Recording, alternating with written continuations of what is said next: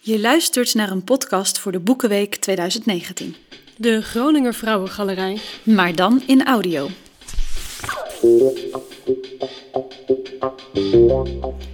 We hebben tegenwoordig babyboeken voor in bad, Kinderboeken met cd's. vakantieboeken, Boeken over de vogelsoorten in Afrika. boeken over fietsers in Amsterdam. Of over die ene zangeres uit Australië.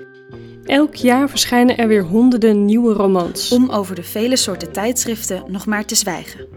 Misschien is er zelfs te veel keus. Daar valt over te twisten. Zeker is dat er voor ieder wat wils is en dat vrijwel elke Nederlander toch meerdere boeken in handen heeft gehad.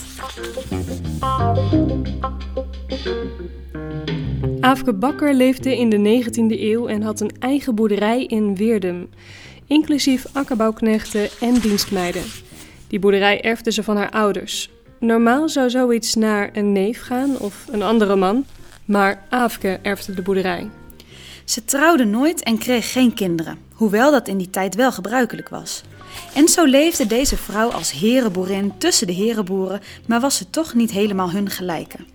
Niet dat ze een uniek geval was, maar veel zelfstandige vrouwen waren er niet in de 19e eeuw.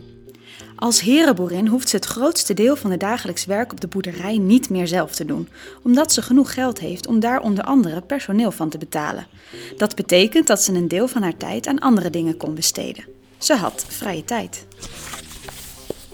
En zo begonnen de herenboeren steeds meer te lijken op de gegoede burgerij. Er ontstonden verenigingen, gezelschappen en organisaties waar je lid van kon worden. Aafke was ruim zes jaar lid van de leesvereniging in Loppersum. Daar kon ze boeken en tijdschriften lenen over kunst, cultuur, politiek, geschiedenis, cultuur en wetenschap. De leesgezelschappen ontstonden omdat boeken in die tijd erg duur waren. De leden betaalden lidmaatschap en hadden vervolgens toegang tot een grote hoeveelheid literatuur en lectuur. Het leesgezelschap van Loppersum was een zogenaamde leescirkel. De boeken en tijdschriften werden binnen een bepaalde tijd en in een vaste volgorde De leesroute van de ene naar de andere lezer gebracht. Soms lieten ze de boeken brengen door een bode. En soms brachten de leden zelf de boeken naar het volgende lid dat aan de beurt was. Ze lazen verschillende soorten boeken, Naast stichtende, leerzame of ontspannende lectuur zoals Mijn zuster de actrice en ook boeken van Dickens of Tolstoy. was er ook zinnenprikkelende lectuur. Zinnen prikkelende lectuur. Maar van de aanwezigheid van erotisch of pornografisch drukwerk op het Groninger platteland is zo goed als niets bekend.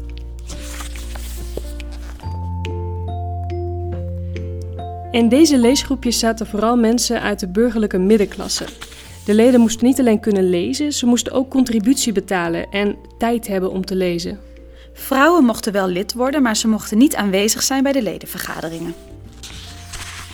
Aafke was tussen 1872 en 1878 niet het enige vrouwelijke lid. Er waren naast haar nog vier vrouwelijke leden.